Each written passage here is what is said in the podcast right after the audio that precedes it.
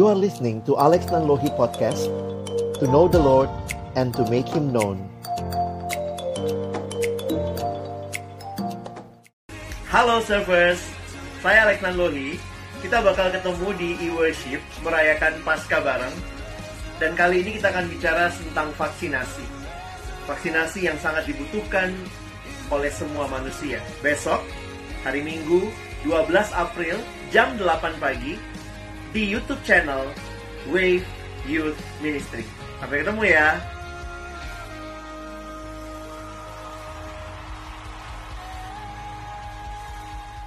Kristus sungguh bangkit. Kita akan bersama-sama merenungkan firman Tuhan dan sebelumnya mari kita berdoa mohon pimpinan Tuhan. Bapa di dalam surga, kami bersyukur untuk kebangkitanmu. Kami bersyukur karena engkau hadir di dalam kehidupan kami dan memberikan kepada kami jaminan yang pasti akan hidup ini dan hidup yang kekal bersama denganmu. Kami bersama-sama akan membuka firman-Mu. Kami mohon ya Tuhan, bukalah juga hati kami. Jadikanlah hati kami seperti tanah yang baik, supaya ketika benih firman Tuhan ditaburkan, boleh sungguh-sungguh berakar, bertumbuh, dan juga berbuah nyata di dalam kehidupan kami. Berkati hambamu yang menyampaikan dan semua kami yang mendengar, Tuhan tolong kami agar kami bukan hanya menjadi pendengar-pendengar firman yang setia, tapi mampukan dengan kuasa dari rohmu yang kudus. Kami dimampukan menjadi pelaku-pelaku firman-Mu di dalam kehidupan kami. Bersabdalah ya Tuhan, kami umatmu sedia mendengarnya. Di dalam satu nama yang kudus, nama yang berkuasa, nama Tuhan kami Yesus Kristus, kami menyerahkan pemberitaan firman-Mu Amin. Merayakan Paskah di tengah-tengah situasi dunia yang mengalami global pandemic, virus corona, outbreak, dengan begitu cepatnya meluas dan mengkhawatirkan banyak orang, begitu menakutkan, dan banyak orang yang mengalami penderitaan, bukan hanya di dalam kesehatan, tetapi juga karena krisis ekonomi global yang terjadi, situasi yang tidak mudah, dan bahkan kita melihat banyak orang yang kehilangan nyawa. Bahkan mungkin juga mereka yang saat ini ada di rumah sakit-rumah sakit yang begitu mengalami ketakutan, kegelisahan. Tetapi di tengah-tengah situasi seperti ini, kita menanti-nantikan vaksin yang diharapkan akan bisa membawa kesembuhan. Saudara, situasi seperti ini mengingatkan kita kepada apa yang firman Tuhan sampaikan. Betapa pentingnya pengharapan, betapa pentingnya kepastian di tengah-tengah situasi yang dialami. Orang yang tidak punya pengharapan adalah orang yang paling menyedihkan. Tetapi orang yang memiliki pengharapan dan pengharapan yang pasti itu akan menikmati kehidupan yang tenang di tengah-tengah situasi yang mungkin tidak berubah tetapi tetap mengalami sukacita sejati dari Allah. Perenungan firman Tuhan saat ini mengajak kita kembali melihat kepada apa yang Kristus nyatakan di dalam karyanya. Secara khusus ketika kita baru saja merayakan Jumat Agung dan Paskah. Vaksinasi dosa. Jawaban bagi pergumulan kehidupan manusia yang paling mendasar. Mari kita melihat bagian firman Tuhan yang mendasari perenungan kita di dalam 1 Petrus pasal yang kedua. Ayat yang ke-24, 1 Petrus pasal kedua, ayat yang ke-24. Ia sendiri, yaitu Yesus sendiri, telah memikul dosa kita di dalam tubuhnya di kayu salib supaya kita yang telah mati terhadap dosa hidup untuk kebenaran. Oleh bilur-bilurnya, kamu telah sembuh. Sekali lagi saya membacakan ayat ini bagi kita. Ia sendiri telah memikul dosa kita di dalam tubuhnya di kayu salib, supaya kita yang telah mati terhadap dosa hidup untuk kebenaran. oleh bilur-bilurnya kamu telah sembuh. Saya memilih ayat ini karena di dalam ayat ini kita mendapatkan gambaran yang sangat jelas tentang Injil kasih karunia Allah. Apa yang menjadi kondisi kita dan bagaimana karya Allah di tengah-tengah kehidupan manusia. Saya mengajak kita merenungkan tiga hal pada hari ini. Yang pertama kita akan melihat di dalam ayat ini. Ia sendiri telah memikul dosa kita. Pertama, dosa kita. Inilah realita yang diberitakan oleh firman Tuhan. Bahwa semua manusia berdosa. Dan seharusnya memikul hukuman dosa kita sendiri. Yaitu maut. Ketika orang begitu takut dengan virus corona. Memang ini sangat mengerikan. Tetapi pada saat yang sama.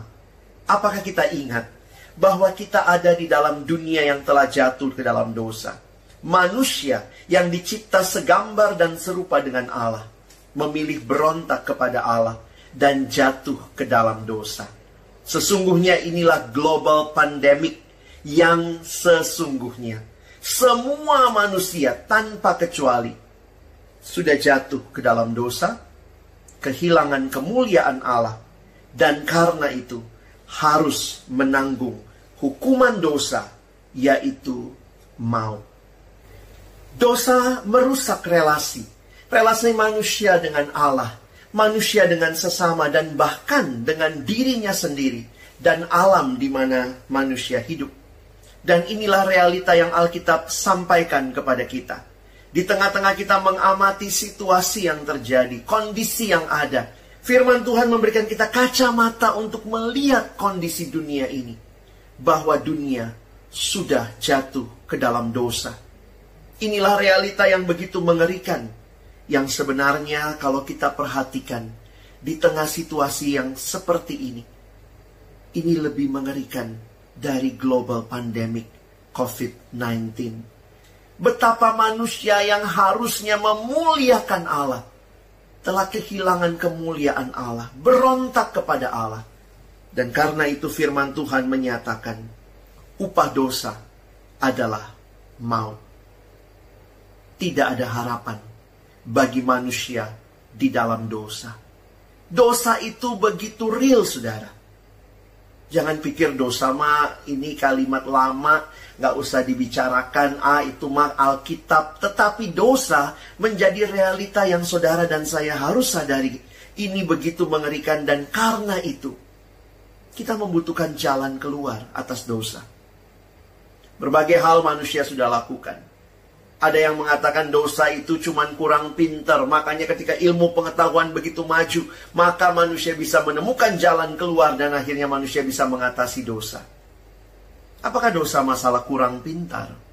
Tidak. Kalau dosa masalah kurang pintar, solusinya pendidikan, saudara. Kalau dosa cuma masalah kurang makan, solusinya pangan.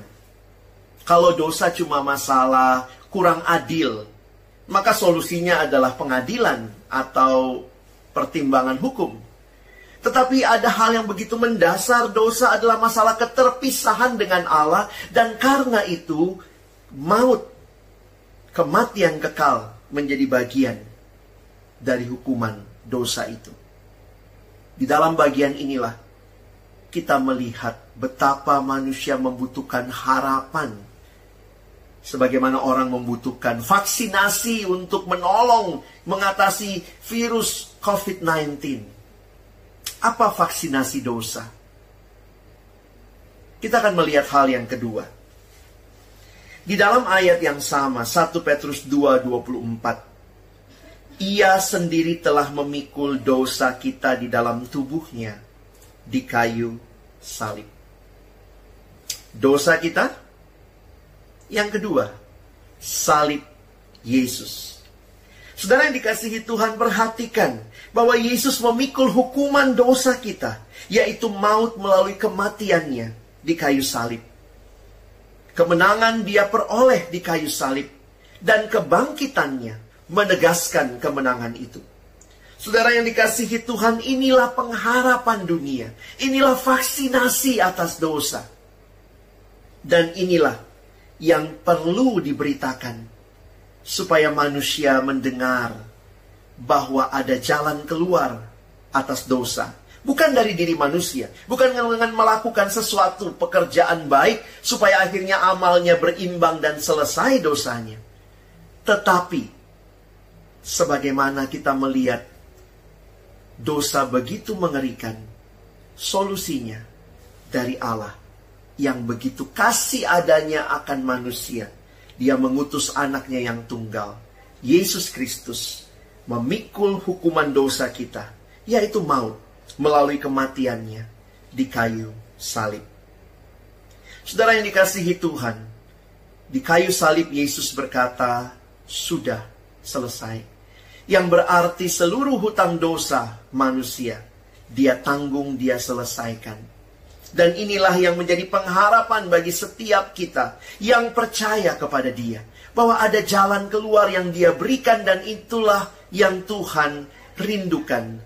Saudara dan saya yang sudah hidup binasa dalam dosa, alami kebangkitan, keselamatan yang kekal di dalam Yesus Kristus. Ini semata-mata karya anugerah Allah bagi kita. Kristus memikul hukuman dosa kita, yaitu maut melalui kematiannya di kayu salib. Di kayu salib Allah menyatakan cintanya yang besar kepada kita. Saya mengingat satu waktu dalam sebuah ilustrasi khotbahnya Billy Graham mengatakan, apakah hal kedua yang terbesar di dalam dunia ini? Lalu dia mengatakan hal kedua yang terbesar adalah dosa. Begitu mengerikan, begitu mewabah, begitu merusak, mematikan. Namun apakah hal pertama yang terbesar di dunia? Hal pertama adalah kasih Allah yang memberikan keselamatan, menutupi dosa. Dan inilah yang menjadi pengharapan kekal bagi kita. Vaksinasi dosa bukan ciptaan manusia, bukan invent inventnya manusia mencoba menciptakan sesuatu untuk menyelesaikan dosa, tetapi adalah karunia Allah, yaitu anaknya yang memberikan hidupnya menggantikan kita. Membayangkan sebuah artikel yang saya baca menuliskan begini.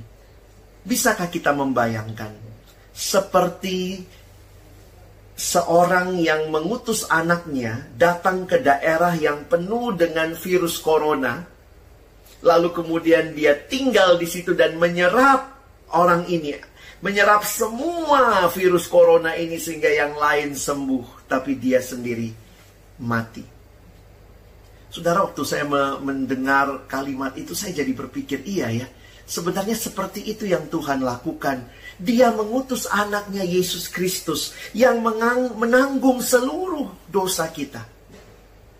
Sehingga 2 Korintus pasal yang kelima ayat 21 mengatakan, supaya kita yang percaya kepadanya mengalami hidup yang dibenarkan. Dia yang tidak mengenal dosa telah dibuatnya menjadi dosa karena kita, supaya di dalam dia kita dibenarkan. Saudara yang kasih dalam Tuhan Yesus Kristus betapa luar biasanya. Vaksinasi dosa tidak datang dari dalam diri kita. Ini bukan soal imunitas, saudara. Keselamatan bukan bicara soal imunitas kita. Tetapi maukah kita melihat, memandang kepada salib itu, menerima karya anugerah Allah. Yesus Kristus, anaknya yang tunggal. Dan hal yang ketiga, yang kita lihat sebagai respon terhadap kasih Allah yang luar biasa. Saudara mari membaca kembali 1 Petrus 2 ayat 24. Hanya dari ayat ini tiga hal saya mau bagikan bagi kita. Ia sendiri telah memikul dosa kita di dalam tubuhnya di kayu salib supaya kita, nah perhatikan, yang telah mati terhadap dosa hidup untuk kebenaran. Saudara lihat ada tujuan yang baru yang diberikan bagi kita yang telah mengalami keselamatan dari dosa.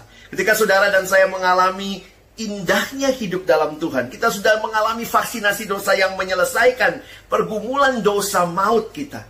Maka lihat tujuan yang Tuhan berikan. Hidup untuk kebenaran. Pertama tadi, dosa kita begitu mengerikan. Yang kedua, salib Yesus, tanda kasih Allah yang menyelesaikan dosa. Supaya apa? Yang ketiga, supaya saudara dan saya hidup benar. Tujuannya adalah supaya kita yang telah mati terhadap dosa, sekarang kita hidup untuk kebenaran. Jika Kristus sudah mati menggantikan kita, maka ketika saudara dan saya mengalami hidup yang kekal di dalam Dia, ingatlah, sekarang kita hidup menggantikan Dia, mewakili Dia hidup di dalam dunia ini, hidup benar, menyatakan kebenaran itu. Mari beritakan berita sukacita ini. Bahwa sungguh Kristus bangkit, kemenangannya tetap, pengharapannya sejati. Dan inilah yang dibutuhkan orang di dalam dunia yang sudah terkontaminasi dengan pandemik dosa. Saudara, kalau orang begitu menanti-nantikan vaksinasi yang akan menyelesaikan wabah COVID-19. Ingatlah firman Tuhan sudah menyatakan bahwa untuk menyelesaikan dosa yang begitu mengerikan, jauh lebih mengerikan dari COVID-19, ada Yesus yang diberikan bagi kita. Apakah saudara mau memberitakan berita sukacita ini? Ketika saudara telah mengalami, maka saudara memberitakan menyatakannya melalui hidup benar. Hidup yang boleh menyatakan kebenaran, kekudusan, keadilan. Bukan lagi hidup seperti di dalam dosa, hidup menikmati dosa, tetapi hidup yang sungguh-sungguh memberikan diri untuk menyatakan kemuliaan Allah melalui keseharian kita. Kematian dan kebangkitan Kristus bukan hanya memastikan kita dibenarkan, dikuduskan, tetapi juga membawa kita saat ini menyaksikan karya kasih Allah. Saudara, outbreak yang terjadi di mana-mana ini mengingatkan kita, mari bawa hidup kita kepada Tuhan. Dan kemudian beritakanlah kepada orang-orang di sekitar kita. Mereka yang mungkin sedang tidak punya pengharapan, sedang bingung dengan situasi yang terjadi Mari kita mengingatkan mereka bahwa ada Allah yang kekal, yang kasihnya telah dia nyatakan. Dan kita yang mengalaminya. Di tengah-tengah situasi yang ada, kita bisa tenang, sukacita. Bukan karena situasi aman atau tidak. Situasi di sekitar kita bisa berubah, tetapi ketenangan dan keamanan sukacita kita tetap karena kita alami dari Kristus yang telah memberikan segalanya bagi kita. Saudara yang dikasihi Tuhan, marilah alami Paskah, kemenangan Kristus, pengharapan yang kekal, dan bagikanlah pengharapan itu bagi sesama. Selamat Paskah, Tuhan Yesus memberkati kita.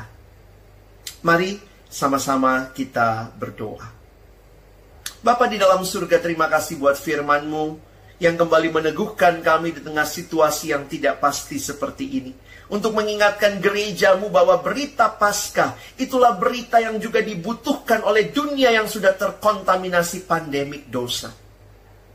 Vaksinasi dosa telah kau berikan di dalam karya anakmu, Tuhan kami Yesus Kristus.